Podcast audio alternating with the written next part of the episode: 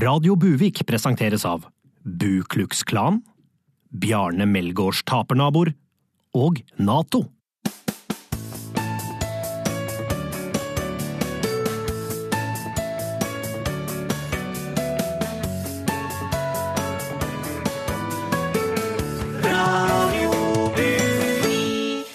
Hei på dere, og riktig god lørdag ettermiddag. Jeg heter Helle Dahl og skal lede deg gjennom én time med Radio Buvik, lokalradioen for Norges minste storkommune. Og mye har jo skjedd, så vi bare setter i gang. For nå skal vi gi deg et hei hei og et dypdykk fra vårs i Radio Buvik. En 360 graders oversikt fra sjølve buljongen tatt Norge, nemlig Buvik kommune. Dette har jo vært en uke ut av det vanlige, og jeg tror alle mann er litt satt ut. Det har jo som kjent vært en folkeavstemning, og resultatet var veldig overraskende. Men så er det jo engang sånn at når folket bestemmer, så er det demokratiets lov som gjelder. Og jeg snakker sjølsagt om Se og Hør sin Kjendisgalla og lesernes pris til Sofie Elise som årets blogger. Og med meg i dag har jeg sosial medieekspert Vanessa Kleppe, og du reagerer sterkt på at hun fikk denne prisen. Ja, det gjør jeg. Jeg er jo i sjokk, som mange andre nordmenn. Dette så jeg ikke komme i det hele tatt, og jeg skjønner ikke hvordan vi kunne la det skje heller. Mm, nei, men hun har jo lenge toppa blogglistene, og er jo en veldig populær blogger hos folk eh, flest. Og så fronter hun noe som engasjerer mange, eh, som da for eksempel angst. Ja, og det mener jeg er problemet. Hun henvender seg til folk som allerede ligger nede og som er deprimerte. Hun snakker ikke til oppegående folk. Ja, men så er det jo kanskje det folk flest liker å lese om? Folk flest vet ikke bedre. Sannheten er at Sofie Elise driver en blogg kun for økonomisk vinning. De skjønner ikke at hun ikke bryr seg i det hele tatt om leserne sine. Hun er en mester på å gi dem akkurat hva de tror de vil lese. For å lage en metafor for deg, da. Hun bygger en mur mellom folket og det som er viktig her i verden. Jeg syns det er litt vanskelig å lese mellom linjene dine her, Vanessa. Jeg skjønner rett og slett ikke helt hva du prøver å sammenligne henne med, så jeg tror vi avslutter her. Men folket har i hvert fall talt. Jo, jo. Og så ser hun dum ut på håret.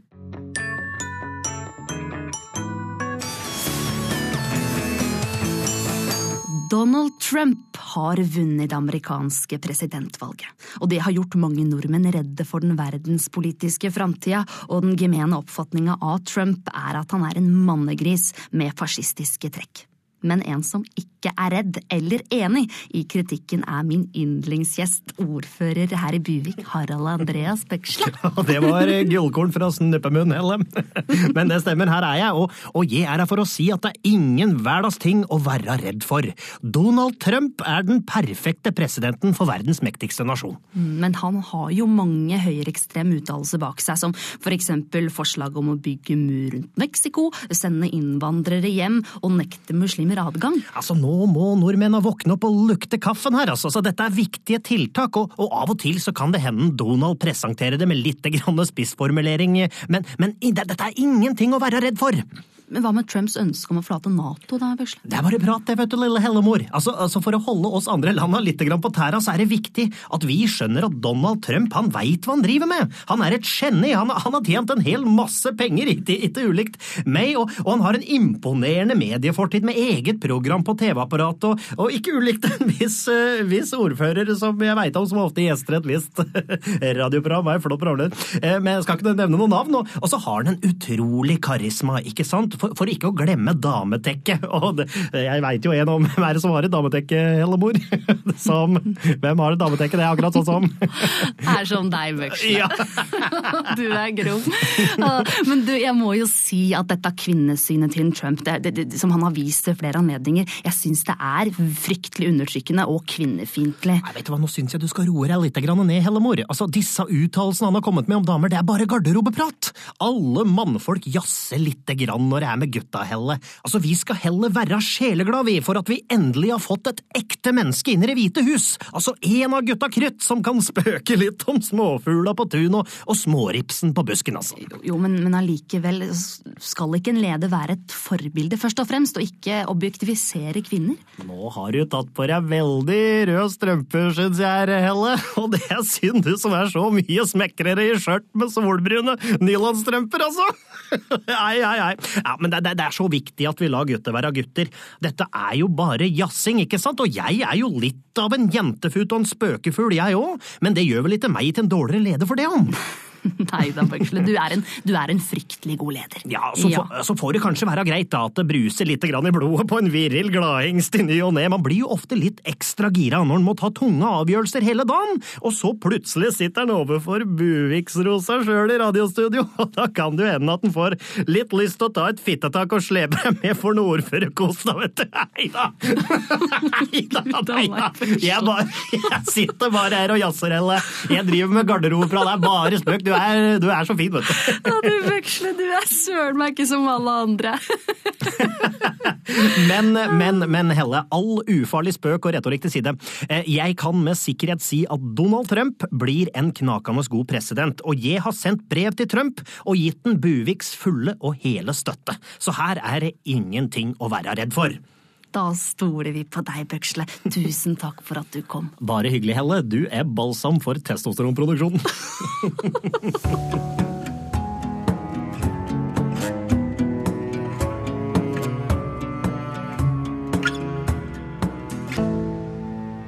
Har du vanskeligheter med å stå for noe? Er du redd for å gå imot strømmen? Vi i Internett kan hjelpe deg til å ha akkurat de samme politiske meningene som de menneskene du helst vil mene det samme som. Lik innleggene de legger ut i feeden sin på Facebook, og de samme type artiklene vil poppe opp i feeden din, så du igjen kan poste akkurat det samme som alle andre. Vi i Internett hjelper deg til å få et unyansert bilde av saken og gi deg en følelse av fellesskap. Vi ønsker å skape akkurat det samme verdigrunnlaget for deg og alle vennene dine, så du slipper å gå inn i en debatt der du ellers ikke har hatt så mye mulighet til å argumentere imot. Så hvorfor finne flere sider av saken når du kan sitte på den trygge, ureflekterte di og være enig med folk om at dere er enig? Så åpne opp et internettvindu og bli litt mer tankeløs og uselvstendig nå, da vel!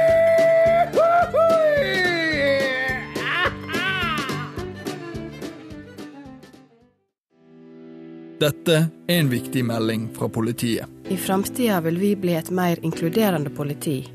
For begge kjønn. Uansett om du er politimann eller om du er kvinne, så skal alle våre ansatte få samme behandling. Uten krenkende kommentarer. Vi kommer altså ikke til å gi komplimenter lenger. Ingen seksuell trakassering. Ingen skøyeraktige og vennlige klaps på stump eller patt. Like muligheter. Uansett hvor dyktig eller lite dyktig du er. Og uten nedsettende ordbruk. Du løper som en jente, no go. Du løper som et menneske som er dårlig til å løpe, a-ok. Et politi for alle. Også kjerring... Kvinner. Radio. Nå som vintersesongen er i gang, og det første snøfallet har kommet i store deler av Norge, så er det alltid noen som nekter å la seg styre av været. Og jeg har besøk her i studio av Trym Tråd, og du sykler hele vintersesongen. Ja, absolutt. Det fins ikke dårlig vær. Bare dårlig klær? Nei, det fins ikke dårlig vær. Punktum. Ja, ok. Men, men Trym, hva er det som får deg til å fortsette å sykle til og fra jobb selv om det blir vinter? Ja, altså jeg elsker eh, å trene, og sykling er fantastisk. Og jeg blir faktisk ganske oppgitt over det spørsmålet, for jeg mener at det bare er en forbanna norm at man skal slutte med noe bare fordi det kommer en årstid med et annet navn. Men det er jo kaldt, er det ikke det? Overhodet ikke. Det er deilig. Jeg elsker det. Så du, du gjør ikke dette kun for å framstå tøff og, og macho? Nei, nei, nei, nei, nei. nei Overhodet ikke. Det er dumt. Ok, Men vi i Radio Buvik-redaksjonen vi har gjort et lite stunt, vi. Ok, ja. For vi, vi var litt usikre på om dere som sykla om vinteren virkelig synes det er så uproblematisk som dere sier at det er. Så vi allierte oss med kona di. Og fikk hun til å plassere en mikrofon på jakka di før du sykla til jobb i dag. La oss høre litt på Nei, det. nei, nei, det trenger vi ikke. jo, dere. Hør Nei, nå. la, la meg slippe det. Ha det bra! Da drar jeg ut. Ta sykkelen, jeg, også. drar på jobb. Ja, ha en fin dag. Ha det, ha det. Å, fuff. Det er såpass kaldt, ja. jeg må få bare Å, i helvete! Det er kaldt. Oh, må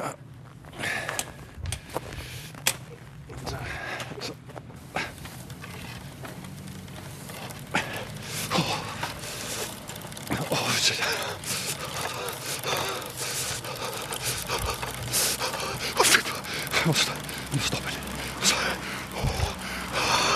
Å, sinnssykt kaldt det var. Sinnssykt kaldt. Åh, det var kaldt. Å. Du er tøff. Du, du er tøff. Folk titter på deg. Folk syns Ja, hei, hei. Folk syns du er macho. Husk på det. Åh. Åh. Folk OK. Du blir snakkisen på jobb. Bare Husk på det. husk på det. Du er snakkisen. Du er tøff. Du er tøff. Du er tøff. Å, fy faen! Stopp. Stopp, stopp, stopp. stopp, det er jo iskaldt. Jeg kjenner, jo ikke. Åh, der kommer bussen. Der. Ja, bussen. Ja, hei, hei. Hei, hold an. Vent, vent, vent, jeg skal på. Unnskyld. Unnskyld. Kan du komme på her? Ja, jeg skal inn her. Hold, bare pass deg litt. Der, ja. Bare faen ja, Kan du hjelpe meg litt med sykkelen her? Ja, selvfølgelig. Om jeg skal ha med sykkelen hit? Selvfølgelig skal jeg det! Det er dritkaldt! Bare Hæ? Hva sier du? Ja, bare ja, mind your own business. Må la meg sitte her. Å, herregud. Neste stasjon.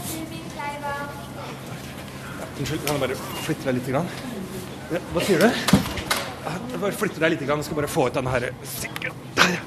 Å, å, kaldt. Det er kaldt. ja. Kaldt. Å, kaldt. Å, kaldt, kaldt, kaldt. kaldt. Å, kaldt, kaldt.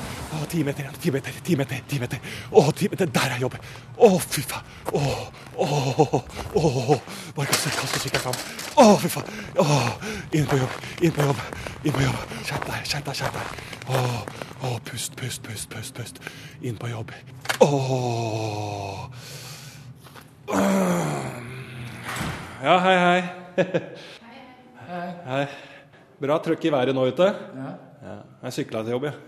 Sykla du Ja. etter å jobbe der? ja, ja, ja. Null stress, altså. Er det ikke dritkaldt? Hvorfor sykler du da? Som jeg pleier å si, fins ikke dårlig vær. Jeg kommer til å sykle til ja, til det er sommer igjen. Jeg bare går inn og begynner å jobbe. jeg. Kos dere. Ja, Trym. Finnes det virkelig ikke dårlig vær? Ja, det, det gjør jo det, da. Ja, det er for kaldt til å sykle, er det ikke det? Jo, det er, det er, det er for kaldt. Og du gjør det vel kun for å framstå tøff og macho, gjør det ikke det? Jo. Jo. Ja, da er vi ærlige her. Det er deilig. Du, tusen takk for at du kom, Trym. Ja, takk, takk for meg. Også. Ja. ja, ha det, ha det. Ha det, Trym. Ha det.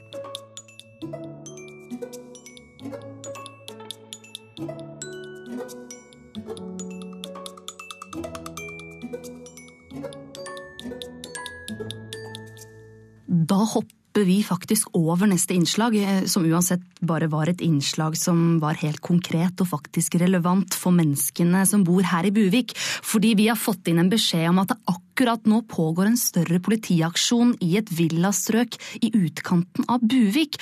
Over til vår reporter på stedet. Ja, jeg står nå utenfor en tomannsbolig i utkanten av Buvik, hvor et stort politioppbud gjør seg klare til å aksjonere akkurat nå. Politiet har holdt oppsikt med dette huset i flere dager nå, og det kan se ut som de er klare til å ta seg inn.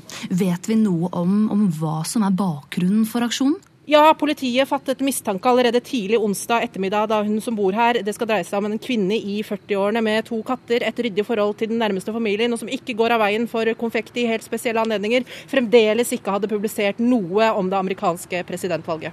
Nei. Hva mener Absolutt ingenting? Ikke så mye som et uh, meme? Verken meme eller mindre. Og mistanken vokste selvfølgelig da politiet ved hjelp av internett kunne avdekke at hun heller ikke hadde likt noe noe andre hadde delt eh, om det amerikanske presidentvalget. Er det noen mistanke om at du kan være død? Det hadde jo i så fall vært et eh, mistenkelig tidspunkt å dø på. Midt under det amerikanske presidentvalget, liksom. Så foreløpig opererer politiet under hypotesen om at det er noe muffens. Mm, ja. Vi kommer tilbake til deg så snart det skjer noe nytt i saken. Da setter vi over til vår halvt amerikanske nyhetsoppleser Ida Breed. Og du stemte vel på Trump du, Ida, gjorde du ikke? Helle, du Helle.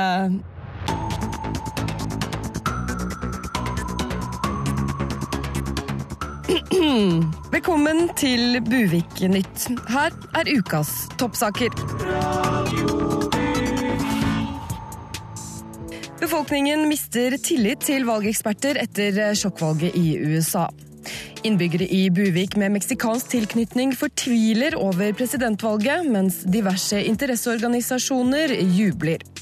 Og Vestlandet opplever en strøm av innbrudd i BMW-biler. Men først skal vi høre at sjåfør i Buvik Taxi og profesjonell hobbybedreviter Tore Dragnes i anledning det amerikanske presidentvalget nå har kommet med en offentlig uttalelse på sin Facebook-side, der han skriver Hva var det jeg sa? Det var allerede i mai i år at Dragnes informerte fire andre ved hjørnebordet på Buvikkroa at han trodde Trump lett kunne vinne valget, for så sjuke i huet er faktisk amerikanerne. I en utdypende kommentar til Buvik-nytt i dag sier Dragnes at han ikke er en sånn fyr som har behov for å poengtere at jeg har rett, eller liker å si 'hva var det jeg sa', men 'hva var det jeg sa'? Det sjokkerende valgresultatet i USA har skapt sjokkbølger hos befolkningen, og tilliten til tallknusere, valganalytikere og eksperter som ikke klarte å forutse dette, er tynnslitt. Flere og flere krever nå ekspertenes avgang. Altså, hvis vi ikke kan stole på verken blekkspruten Paul, isbjørnen Walter eller jordekornet Miroslav, hvem kan vi egentlig stole på da, spør en tilfeldig mann på gaten. Samtidig har det overraskende valgresultatet fått frem jubelen hos mange andre interesseorganisasjoner, som mener Trumps seier baner vei for nye politikere og knuser fordommer og barrierer. Mannegruppa Ottar mener dette er en stor seier for guttejazzing, locker room talk og fittegrafsing. Stian Staysman Torbjørnsen, Robinson Isabel og Farmen Gaute Grøtta Grav uttaler at dette er det endelige beviset på at deltakelse i reality-programmer ikke er til hinder for en fremtidig karriere mens paraplyforeningen Anonyme paranoidikere, som innebefatter foreningene Legaliser marihuana nå, Buvik schizofreniforening samt Buvik Steinerskoles venner, jubler over at konspirasjonsteorier endelig har blitt allment aksepterte. Og ikke minst håper Rune Øygard dette vil kunne skape mer åpenhet og toleranse overfor overgrep mot mindreårige jenter. Vi skal også høre at det har vært innbrudd i flere BMW-er på Vestlandet, og politiet etterforsker nå om det er noen som overhodet bryr seg om nyheter som dette akkurat denne uken. Dette var Buvik Nytt. Jeg heter Ida Breed. Og da skal vi tilbake til tomannsboligen i utkanten av Buvik, hvor en kvinne i 40-åra, som ellers er pen i tøyet, altså skal ha unnlatt å gi uttrykk for verken det ene eller det andre på sosiale medier i forbindelse med det amerikanske presidentvalget. Ja, og det er jo en lettelse å kunne rapportere at den omfattende politiaksjonen nå er avblåst, etter at det ble kjent at kvinnen faktisk bare hadde glemt hele valget fordi hun hadde brukt hele kvelden til å bake muffins, og siden fordypet seg i en god bok og ellers latt livet går sin gang. Det er godt, så da endte det godt likevel. Ja, jo, jeg kan jo som en gøyal kuriositet på tampen nevne i forbifarten at kvinnen senere ble ofret i et brutalt og påkastet åndelig ritual, like gammelt som tiden selv, av de to kattene sine, som over natten hadde tatt menneskelig form, angivelig fordi en av bitene i konfektesken Swings viser seg å ha den uheldige bieffekten at den tilsynelatende kan forvandle helt vanlige huskatter til menneskelignende druider med motstående tomler, en tidløs hedensk spirituell affinitet og en åpenbart seremonielt voldspotensial. Men la nå endelig ikke meg forstyrre. Det har jo vært valg i USA. Det har det. Og mot alle forhåndsprognoser vant Donald Trump denne ukas presidentvalg. Og USA-ekspert Geir Ellefsen, kjent som Buvik-Tines valgkommentator, og fra podkasten Make America Geir Again, du mente jo at dette umulig kunne skje, og nå har det altså skjedd. Er det surt å svelge dette nederlaget? Overhodet ikke, altså, men med, med forbehold da, om at valgresultatene er korrekte.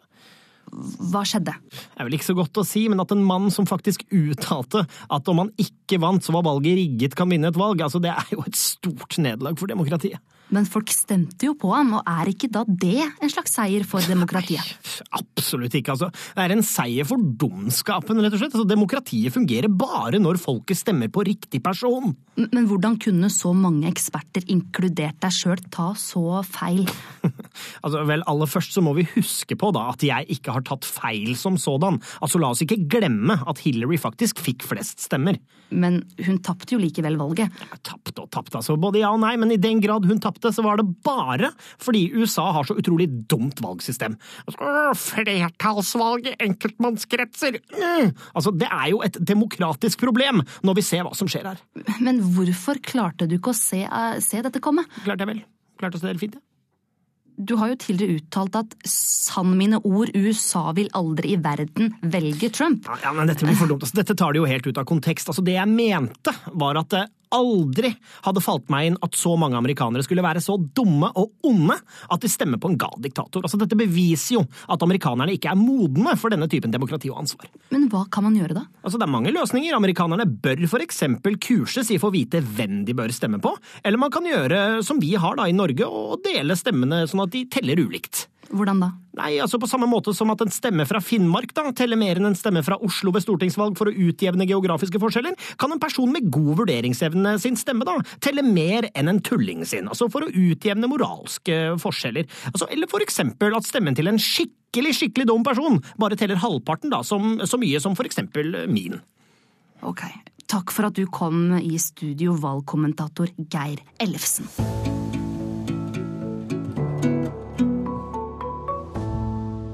Nå kan du henge med igjen, du som lukker øra når vi snakker om det amerikanske valget. For store nasjonale aviser som VG og Dagblad har hatt stor suksess med sine nyhetssaker om mennesker som blir såra av vitser. Denne uka var det Norges to viktigste kvinner, Erna Solberg og Astrid Smeplass, som gikk på en smell med sårende vitser om henholdsvis Johaug og mannen som kjøpte date med Astrid S ved en feiltakelse. I Buvikposten har de lenge vært opptatt av denne type saker, og ingen er bedre på å skrive dem enn klikkvinnerjournalist Bård Bustein. Selvfølgelig er det gøy å rocke mest lest og mest delt listene i Buvikposten. Det er uke etter uke. Det, sånn er det bare. Eh, men jeg, jeg, ser jo også tydelig hva leserne vil ha, da. Og det er jo ekte følelser.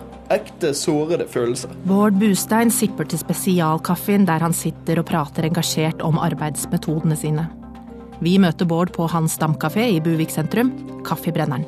Se på denne her, f.eks. Den er jeg ganske stolt av. Ukas mest delte sak. No biggie. Eh, ordføreren vitset om fedmerammet mobbeoffer. Fy faen. Altså, Unnskyld uttrykket, men det var stygge greier. altså. 15 år gammel og fedmehetset av selveste ordføreren. Etter at jeg intervjuet henne, så satt hun faktisk og hulket, og tårene rant nedover de tettbygde hakene hennes. Det var helt. Det var under en tale på Buvik ungdomsskole at ordfører Harald Andreas Bøksle kom med de krenkende uttalelsene. Jeg gjorde heldigvis et opptak av talen, så, så han kunne ikke ro seg unna den her. Du kan jo høre her. Så.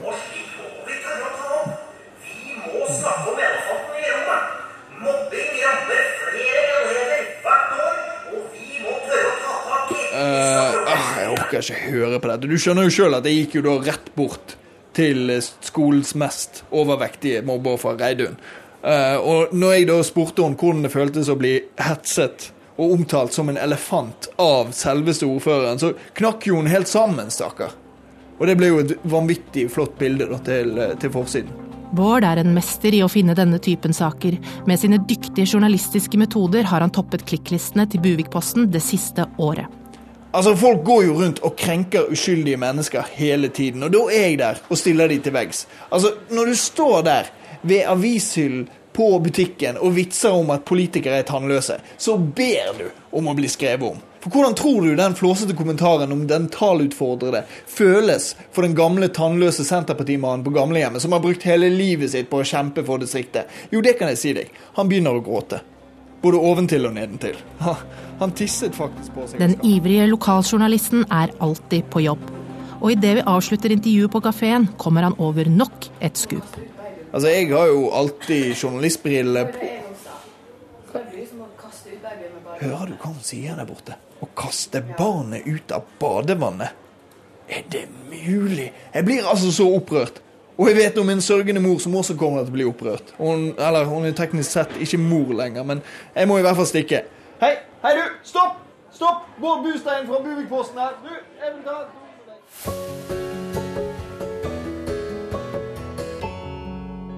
Nok om Norge, og tilbake til Uniten, for vi er ikke ferdig med dette spørsmålet hvordan kunne det skje? Og vi har med oss Radio Buviks USA-korrespondent direkte fra Buvik torg. Yes, we can.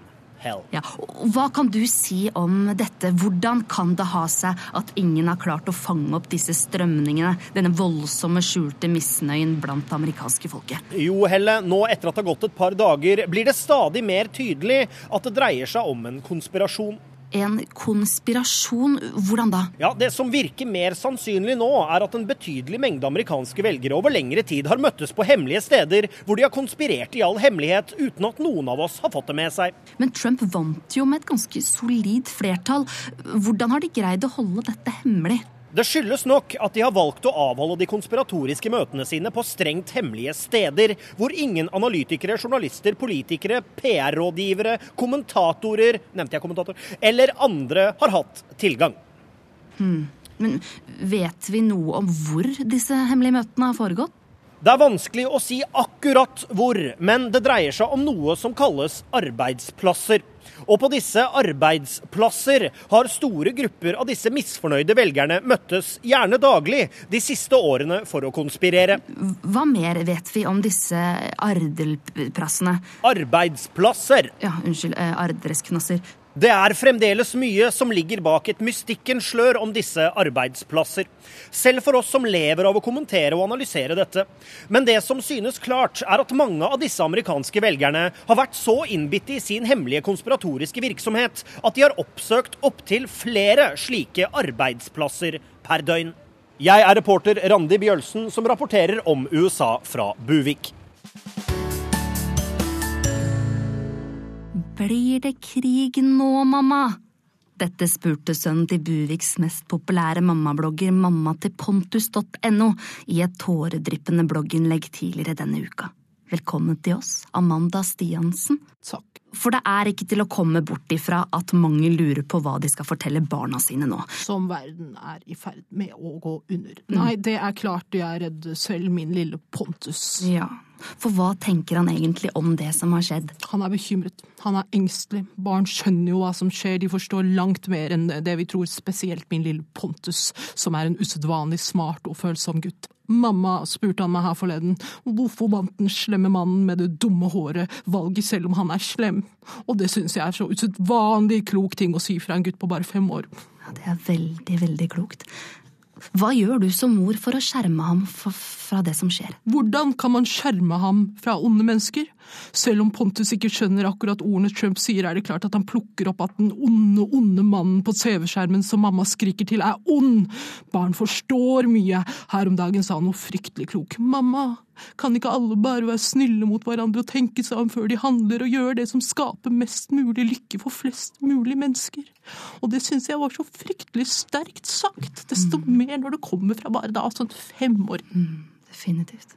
Du, men på hvilken måte er det du merker at Pontus er engstelig? Barn merker intuitivt at verden er i ferd med å gå av hengslene, at tredje verdenskrig er rett rundt hjørnet og at alt håp er ute. Vi foreldre gjør så godt vi kan for å skjerme dem for dette, men noe siver jo inn allikevel, spesielt når man har med så grusomme ting som dette å gjøre. Pontus er en usedvanlig følsom gutt, og han får mye utløp for sitt fantastiske følelsesliv gjennom kreativitet, blant annet tegner han ut følelsene sine. Hvordan da? Her om dagen så tegnet han at mamma lå i fosterstilling og gråt, og så tegnet han en tegning hvor mor stod over han mens han sov og skrek 'Verden går under! Verden går under!' Og, og så tegnet han også en tegning av at mamma og Pontus hadde atombombealarmøvelse og prøvde å sitte i bomberommet i to dager uten vann. At Trump kan gjøre noe sånt mot uskyldige barn, det syns jeg er helt grusomt.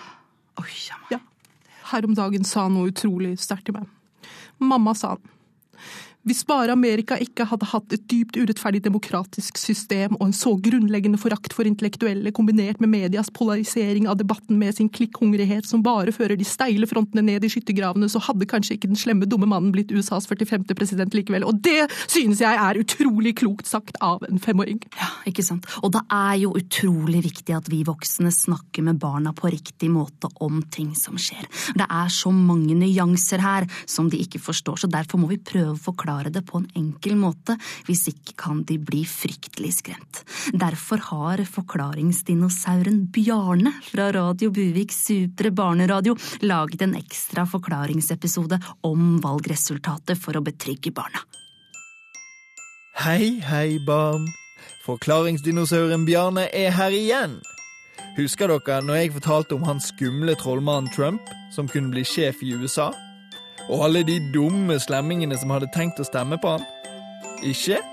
Du vet, han som skulle bygge en mur mot smurfene, og sa sånne ting som Jeg skal bygge en mur! Ingen smurfer i mitt land! Jeg skal holde pusekatten til jenter! Å nei! Å huff! Å fy! Jeg stemmer på dronning Hillary! Ellers blir det tredje verdenskrig! Nå har det seg sånn at den onde trollmannen faktisk ble sjefen. Fordi det var flest dumme slemminger i kongeriket Amerika, og ikke nok snille dronning Hillary-folk. Men det er ingen grunn til å være redd, barn. For den onde, slemme trollmannen kommer nok muligens ikke til å være så ond og slem allikevel. Fordi han har så mange trollmennlærere rundt seg som hjelper han med å bestemme alt mulig. Og de er ikke like slemme og ond, så det blir nok mer sånn som dette her. Jeg vil stenge alle smurfer ute fra kongeriket! Det får du ikke lov til, trollmann Trump. Men det du kan få lov til, er å dra til smurfene og slippe stinkbomber og fyrverkeri fra fjernstyrte fly, sånn som vi bruker å gjøre det her i kongeriket. Ja, hurra! Så det er ingen grunn til å være redde, barn. Stol på forklaringsdinosauren Bjarne. Oi! Der prompet jeg. Uff, den stinket. Ja ja, den forsvinner nok etter hvert. Om en fire års tid, skulle en tro. Men det er ikke bare barna vi må tenke på. Et annet viktig spørsmål er jo hvordan snakker vi med Trine Skei Grande om Trump? Og heldigvis har vi med oss sjefspsykolog fra Buvik BUP her i dag. Og hvordan snakker vi med venstreleder Trine Skei Grande om Trump? Ja, nei, det er jo veldig vanskelig, og her er det veldig viktig å gå forsiktig for gam. Trine Skei Grande reagerte veldig sterkt på nyheten om at Trump vant valget. Det som jeg syns er kanskje sånn mest skremmende i et langt perspektiv, er jo at du får en presidentkandidat som vinner på hver drittsekk. Oi, hun tar det tungt. Ja, og da er det litt grann viktig å gå forsiktig frem, og ikke for noen pris fortelle henne om hvem som sitter i gegjegeren hun har innsatt. Ikke sant. Men vi må ikke glemme kjæledyra våre oppi det hele, for hvordan skal vi egentlig forholde oss til dem? Vi har en reporter på Buvik Pels og Pote. Her på Buvik Pels og Pote har det vært enorm pågang de siste dagene, og hva er det folk lurer på? Nei, Folk lurer på hva de skal si til kjæledyra sine, hvordan de skal forklare kjæledyra sine om dette her med Donald Trump. Og da er tipset det at du må nappe hardt i båndet, du må være streng, du må si nei! Du må riste bikkja gjerne, ikke gi den vann, ikke gi den mat, ta katta di, stapp den inn i den sandboksen, legg en plastpose over. Så det er viktig at dyra skjønner at noe er gærent. Altså, vi fikk inn en mops her tidligere i dag, og den hadde rar sveis, den var rufsete i pelsen, og den gikk og snuste tispene rett i fitteområdet. Og da visste vi med en gang at denne mopsen er Trump-sympatisør, så den var det bare å avlive. Men det som er positivt med det, er at den bikkja som var med å splitte nasjonen, den er nå blitt lim, så den samler jo ting nå. Og det er jo litt ironisk og litt komisk da, og litt gøy. Men det, det, det er ingen tvil, folk er redde. Nei, hjelpes. Nå tror jeg vi trenger en pause igjen og tenker på noe koselig og underholdende. True crime. Jeg heter Tor Magnus Hammeren, og dette er åttende episode i Krimpodden om drapet på Lene Vasserud. Og foran meg her har jeg et bilde av henne. Bilde som var klistra på alle forsidene tilbake i 92.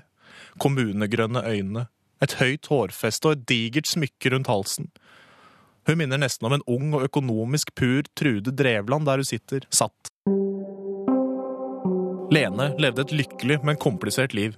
Et ustabilt samliv med Martin, utroskapet med eiendomsmegler Svein. Så var det jobben hennes, da. Oppgangen i hockeysveis som førte til nedgang i frisøryrket. Var lave klippepriser og mange som måtte gå. Er du klar over hva et fat med hår kosta på den tida?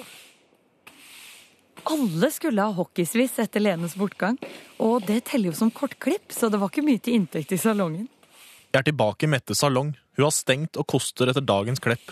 Her, her satt mistenkte og uskyldige skulder ved skulder og lot lokkene falle. Jeg, jeg hadde ikke hjerte til å kaste hårrestene, fordi alle stråa bar liksom en historie. Så, så, som en del av sorgprosessen så lagde jeg en full-size engelen Gabriel som jeg la oppi kista til Lene da hun ble begravd. Var virkelig alle i bygda fikk seg en klepp denne uka? Ja, virkelig alle.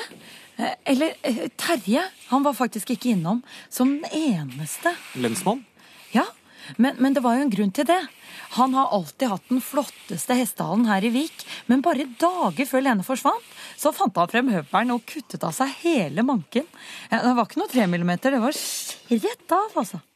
At Terje klippa seg sjæl gir jo mening. Han dreiv jo egen foodtruck ved siden av jobben, og Mattilsynet er ordentlig strenge på sånt nå. Nei, jeg står som vanlig bom fast, men jeg skimter et lys i det fjerne. I arbeidet med denne podden har jeg prøvd å få kontakt med elskeren til Lene Svein, men han har ikke villet uttale seg. For en ukes tid siden skjedde det derimot noe. Stort. Svein ringte meg og ville møtes. Mine bønner hadde blitt hørt. Han hadde hørt på min pod. Live. På direkten. Men han stilte krav. Intervjuet kunne ikke vare i mer enn fem minutter. Og spørsmålsforbud, selvfølgelig. Dette kan virke lite journalistisk for deg der hjemme, men du får nesten bare stole på mitt eget graveinstinkt. Svein har bedt meg om å treffe han på benken her på torget i Buvik, i full offentlighet. Endelig skal jeg få møte han. Lenes mystiske og nesten mytiske elsker. Jeg måtte jo møte deg. Svein har tatt med seg kjæresten sin som tidtaker. Du fremstiller meg som en ræva fyr, jeg er ikke det. Jeg blir jo fornøyd jeg, 90% av tida. Og så er det de 10% jeg er sur, som du spiller av i poden din. Det er frekt. Jeg har et lite spørsmål. Nei, null spørsmål, sa jeg. Men jeg har respekt for deg. Alt du vil, er å gjøre den poden din spennende. Det er smart utpressing. Til slutt hadde jeg ikke noe valg enn å møte deg. Det var du som kjente Jepp. Jepp. Jeg skal si deg én ting. Jeg elska Lene. Hardt og inderlig. Flere ganger. Og jeg veit at mannen til Lene ikke elska henne. Martin var kanskje forelska, men kjærlighet er mer enn forelskelse. Vet du hvem det er? Gaute Ormåsen. Jeg veit at det ikke var Martin som drepte henne. I alle disse åra så er det ingen som har spurt meg. Da må jeg bare spørre. hei. Jeg skal si deg en ting. Ingen har spurt meg. Ingen politimann som har løfta på røret og spurt meg om akkurat det. Akkurat hva da? Ty, ty, De jævlig sinna. Alt du Kripos-dama var ute etter, var å finne ut om jeg hadde drept henne. Men jeg er smart nok til å legge sammen to og to og skjønne hvem morderen er. Og hadde flere enn meg klart å tenke litt lenger enn tuppen av sitt eget isfjell, så hadde de også skjønt det. Jeg er ikke utdanna politi, men jeg veit hvem morderen er. Hvem er det som er morderen? Tida er ute! Men når politiet lurer, så er det bare å ringe. Eller send meg en kryptert melding på Face, så lover jeg Panama Papergate volum 2. Oppkalt etter yndlingsskiva mi Mac Music 2. Svein begynner å gå, men plutselig snur han seg og setter øya i meg. Hammeren, jeg skal gi deg et lite tips, eller en gåte om du vil. Min hønes død er en annen hanes brød. Jeg går inn på www.google.com og googler Google før jeg googler Sveins gåte. I en uke har jeg lett webben rundt etter hva det der skulle bety. Høne, hane, hans høne.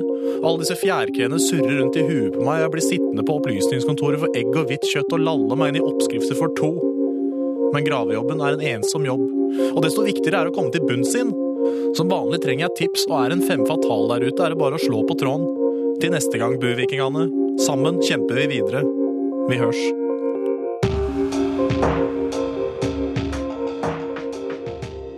Hold dere for nesa, for nå skal vi inn i valget i USA igjen. Og det har gått personlig inn på mange, også her i vår egen bygd.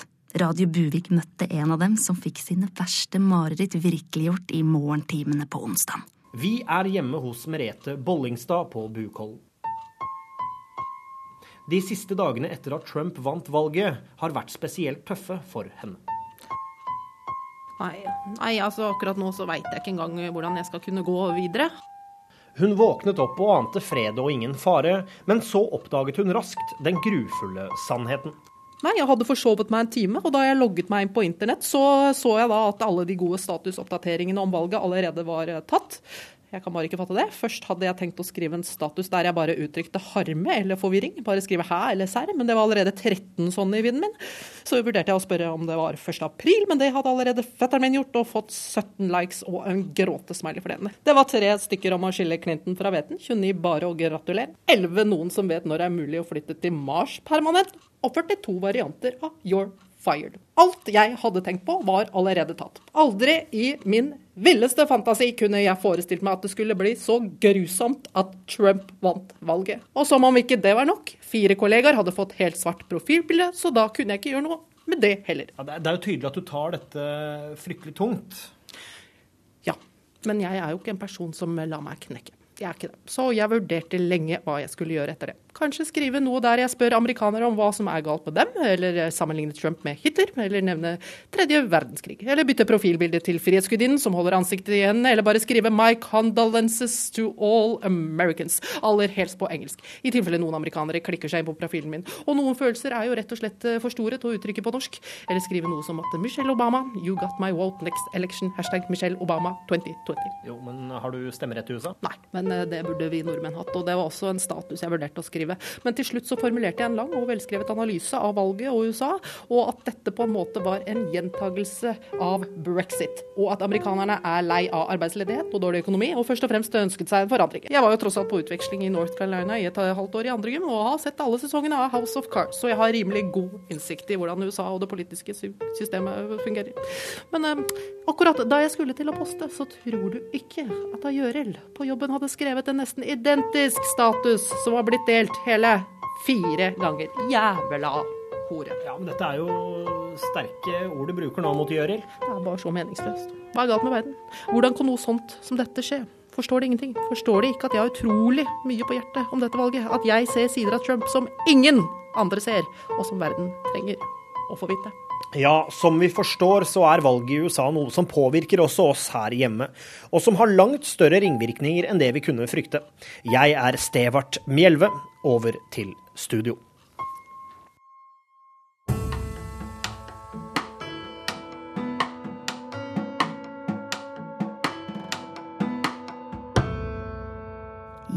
Buson Vikbukt, vår faste dialektekspert, utvider hver uke vårt vokabular med gamle, tradisjonelle ord og uttrykk. I dag er det et uttrykk som mange sikkert kan ha nytte av etter et visst valgresultat blei klart. Velkommen, guttmensch. I dag skal vi syne ordet Djengis skuff her på Radio Bjørvek. I riktig gammel dag, når en var uenig i hvem som tok makta i et land, da ble man Djengis skuffa. Uttrykket oppsto når bovikingene var uenig i at en Djengis Khan ble høvding av Mongolriket. Han ble sett på så ufyselig gobbtass med sine skjetne elefanter som traska over fjella. Fjellefanta, som en sa i bygda. I moderne tid blir en oftest Djengis-skuffa av diktators i Midtøsten, men også demokratisk valgte presidenter i Russland og Uniten. Da sier en ja, de valgte frett, men ikke rett. Så jeg er sjåke meg Djengis-skuffa. Da veit du hva Djengis-skuffa tyr. Takk for meg, og føl Vikenda staselig, guttmensch.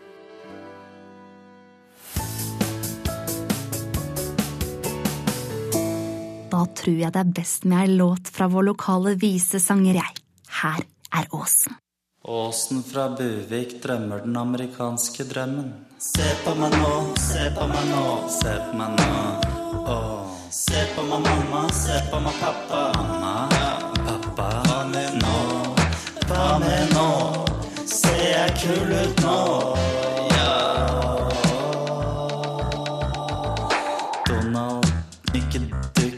Eller Donald Trump.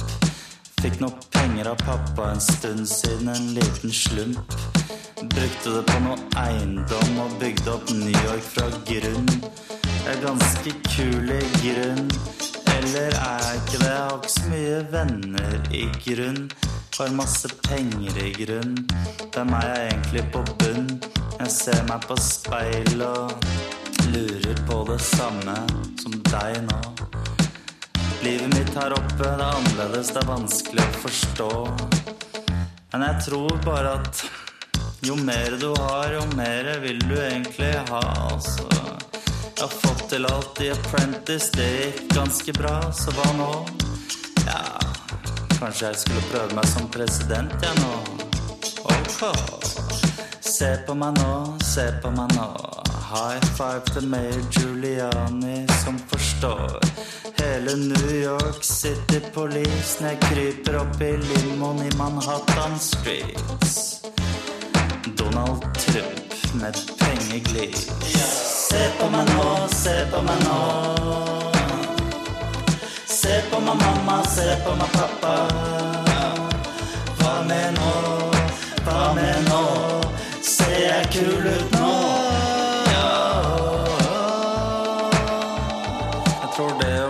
President det kommer til å bygge meg opp og fylle inn et tomrom som jeg alltid har ment jeg har savnet eller glemt, eller er noe jeg har lett etter å kunne styre hele verden i stedet for bare noen utvalgte plasser i USA. Det Ja, Kina vi må ordne opp i økonomien og ta vare på veteranene våre og bombe ISIS. IS, eller hva det er noe for noe. Jeg har ikke noe erfaring, altså, men jeg tror det går greit så lenge bare noen lærer meg det. Se på meg nå, se på meg nå. Se på meg mamma, se på meg pappa. Hva med nå, hva med nå? Ser jeg kul ut nå?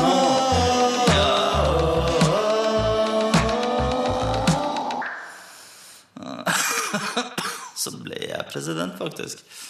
Oi Hva er det jeg har gjort nå, egentlig? Denne uka kunne Aftenposten avsløre at hele fire norske selskaper har investert penger i oljerørledninga Dakota Access i USA. Prosjektet er veldig omstridt fordi oljerørledninga skal gå under drikkevannskilden til urfolket som bor i området. De frykter oljelekkasjer vil forurense vannet, og at byggearbeidet vil ødelegge hellige områder. Og med oss i dag har vi Lars Solli, for du arrangerer en demonstrasjon på Buvik torg i morgen. Det stemmer. Nok er nok. Mm, så bra at du tar et sånt initiativ her i Buvik. Ja, det er mange pensjonister her i Buvik også. Ja, nå tenker du vel på indianerne? Altså, det er jo urbefolkninga, siux-indianerne i Dakota, som eh, blir ramma. Og forstår jeg deg eh, rett eh, at du mener det også er mange indianere her i Buvik? Indianere i Buvik? Nei, jeg, altså, jeg vet da faen om det er indianer Hvorfor spør, spør du meg om det, da? Nei, Du sa at grunnen til at du ville demonstrere var at det også var pensjonister i Buvik, og da trodde jeg at du Ja, pensjonister! Altså, jeg aner ingenting om indianere. Jeg veit bare at KLP, Kommunal landspensjonskasse, også har spytta inn penger i dette prosjektet, og da må vi reagere. Nå kan det gå utover pensjonen vår! Ja. Så du aner ingenting, du, om sjølve problematikken med disse oljerøra? Problematikken om disse oljerøra Altså, det er alltid problematikk, og Norge kan ikke ta hensyn til hver minste minoritet. Men jeg, som norsk statsborger, krever at den norske stat tar hensyn til oss her hjemme. Så det eneste du bryr deg om i denne konflikten er at KLP er involvert? Selvfølgelig, og så hva de gjør nede i USA får være opp til dem. Altså, Jeg hadde ikke kasta bort en tanke på denne saken, hadde det ikke vært for at mine interesser står på spill. Nei, så, så du bryr deg ingenting om, om, om oljefondet og DNB sine valg om å investere i dette prosjektet? Nei, takk faen for olja, sier nå jeg. Altså, kjør på, tenker jeg. Og DNB er en bank jeg alltid har vært glad i. Så, så, du kommer ikke til å gjøre som andre kritikere, nemlig å melde deg ut av en DNB? Nei, og jeg skjønner ikke hvorfor jeg skal gjøre det. Jeg er 100% fornøyd med DNB. Det er vel de som fant på Vipps-greia òg, var det ikke? Jo da. Jo. Så jeg skjønner ikke bra, at jeg skal Hvorfor skal jeg trekke meg ut av Hvor er sporet hele debatten her nå? Jeg kommer til å gå i tog i morgen. Ok, ja, For pensjonen min er på, eh, på spill. jeg skjønner det. Så det babler om indianere og eh, Det er det som er saken. Men du, da må du ha masse lykke til med det i morgen, altså. Takk skal du ha.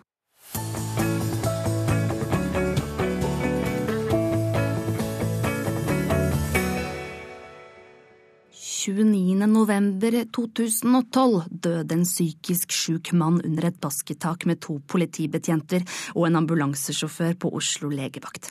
NRK prøvde i lang tid å få tilgang på en overvåkningsvideo som var et sentralt bevis da saken blei henlagt, og etter tre år lyktes de. Nå prøver også NRK å få tak i vitneforklaringer, men Riksadvokaten avslår nok en gang. Og vår reporter Mille Låge, du prøver å få noen ord med politisjef i Buvik, Henrik Laa. Ja, jeg står nå utenfor Buvik politistasjon, og der er politisjef Henrik Laa. Unnskyld, Henrik Laa. Hei, du. Et spørsmål angående, eh, angående legevakthendelsen som, som sirkulerer nå i, i media. Ja. Bør det ikke være 100 åpenhet rundt politiets arbeid? Det er fullstendig åpenhet rundt politiets arbeid. Det kan jeg si. Ja, men, men i denne saken her så er det jo ikke det. Nei, så da kan jeg fortelle om en annen sak der politiet i samarbeid med ambulansepersonell leverte en psykisk syk pasient i live. Men det er vel ikke interessant for dere i media? Jo, vi er for så vidt interessert i det også, men politiet forvalter jo makt på vegne av folket. Og da, Og da er det viktig å skrive om de positive sakene. Ja, Men nå snakker vi om én konkret sak som har vært mye diskutert i media. En sak som har vært mye diskutert i media, Vesleven, det kaller jeg en åpen sak.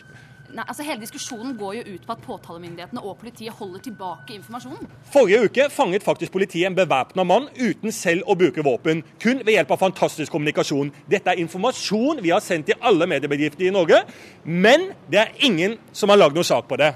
Hva kaller du det for noe? Ja, men dere, dere kan ikke bare gi tilgang på informasjon i saker hvor ting gjøres riktig. Altså Dere er jo mennesker, dere også. Dere gjør feil, og dette må også ut i offentligheten. Nei, vi er ikke mennesker. Vi styrer mennesker, og nei, vi gjør ikke feil. Ja, men Dette her er jo rett og slett tullete å si, politisjef Henrik Laa. Altså, kan du ikke svare konkret og ordentlig på spørsmålet mitt? Vi gjør masse bra i politiet. Ja, det, det er greit, men, men svar på denne konkrete saken. Nå er det ikke lenge til jul.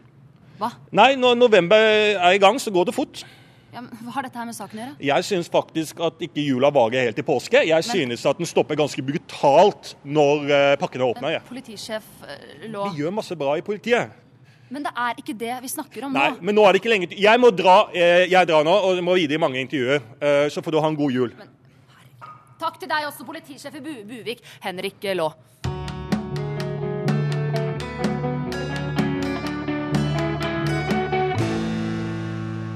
Det blir stadig flere plattformer hvor man kan se TV-serier og filmer, og populariteten blant publikum bare øker for hver dag som går. Og dette er jo noe som i utgangspunktet høres utelukkende positivt ut, men psykolog Gard Fien, du ser daglig de negative ringvirkningene dette medfører. Ja, det, det gjør jeg. Altså, det er vel og bra med forskjellige plattformer man kan se TV-serier på, men problemet er at det kommer altfor mange TV-serier. Altså Presset på å se en serie har rett og slett blitt altfor stort. Mm, ikke sant. Og med deg i studio, Gard, har du en pasient av deg som virkelig har følt dette på kroppen? Ja, det stemmer. Eh, For meg så startet det hele med Sopranos, fordi jeg rakk aldri å se siste sesongen, og så merket jeg jo tydelig at jeg falt utafor da, i min egen vennegjeng. Og idet jeg da skulle begynne å se siste sesongen av Sopranos, så hadde plutselig vennene mine begynt å se på Six Feet Under, og, jeg fikk jo aldri sett siste episode av Sopranos, og da lå jeg automatisk bak på denne Six Feet Under, og så ble det bare eh, Siden den gang så har jeg, jeg har alltid vært på etterskudd. Det er et helvete. Ja, det er jo helt forferdelig, sant. Og, og hun er ikke alene. Altså, som, som psykolog så har jeg mange pasienter som sliter med akkurat det samme. Men Siv er en av de verste eksemplene jeg har hatt. For, for hun har ikke engang hørt om The Wire. Nei, du tuller. Nei, har ikke altså, hørt om The Wire? Nei. Hva med Dexter? Nei. Det er jo helt forferdelig, Siv. Mm, men det går bedre nå, altså. Gard her har jo lært meg noen setninger som forandra livet mitt, da. Ja, det, det er nettopp det, for det er noen setninger som du kan bruke selv om du ikke har sett serien. Det er snakk om eksempel setninger som det her. Okay. Ah, den serien er så rå, altså. Den er så autentisk. Han hovedrollen der, han må jo vinne en Emmy. Sant? Så det er en fantastisk setning. Eller hvis det er snakk om en norsk serie, så, så kan du eksempel si Jeg liker serien. Det er kult å se at Norge spytter så mye penger inn, og jeg elsker at skuespillerne ikke er så teatralske lenger. Altså punktum. Det var setningsslutt, da. En veldig praktisk setning. Dette er setninger som alltid fungerer, selv om du ikke har sett serien det er snakk om. Spennende. Og så bra at du føler deg bedre, Siv. Ja, ikke sant, for dette her var jo en åpenbaring for meg, og fra ikke å ha noe å si ikke sant, om serier, så er jeg jo nå rene gossip girl. Exo, exo. Hæ? Nei, det er jo fra Gossip Girl. De skriver det på slutten av meldingene i serien. Så jeg trodde du refererte til Hva da, serie? Altså, Jeg sa jo bare Gossip Girl fordi jeg følte meg som en sladret jente. ikke sant? Er det, hva da? Ja, er det en ja, serie Siv- som heter Siv, eh, Siv, Siv, Siv, bare slapp av nå. Også nå tror eh, programleder at vi ikke skal utsette Siv for mer press. Hun er ikke helt frisk eh, enda, Mm. og akkurat nå så er hun litt forvirra. Litt grann som hun unge jenta som eh, rømmer i Stranger Things. Ja. Hva er det dere snakker om nå? Stranger, hva? hva? Jeg skjønner, jeg skjønner. Beklager. Det er litt som, så, som han i Mr. Robot. Så vanskelig å samle tankene på nå. Akkurat, ja. Inkluder meg, da. Vær så snill. Ja, selvfølgelig. Altså, nå kan jeg tenke meg at du føler deg litt som, som Piper i, i første sesong av Orange is the New Black, og det beklager jeg. Hva da? Pi Piper? Okay. Hva? orange? Okay. Siv, oh, ja. Siv eh, puste og tenk på setningen. Altså, programleder, jeg tror det er best at du avslutter det her intervjuet nå, for nå blir hun veldig, veldig Ja, oppskakket. Eh, Så jeg tror vi bare gjør sånn som i Sopranos, og så setter vi på noe musikk, sant? Og så går vi bare rett i svart. Hva var det siste der? Sopranos går i svart? Hva er det du snakker om nå? Sett på låta nå. Ja.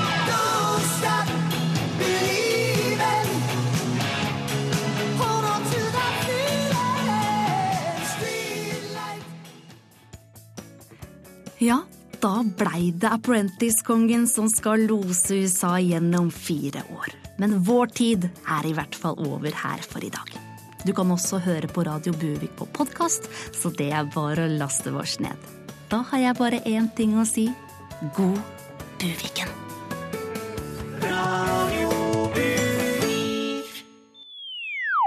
Produsert av Rubicon Radio.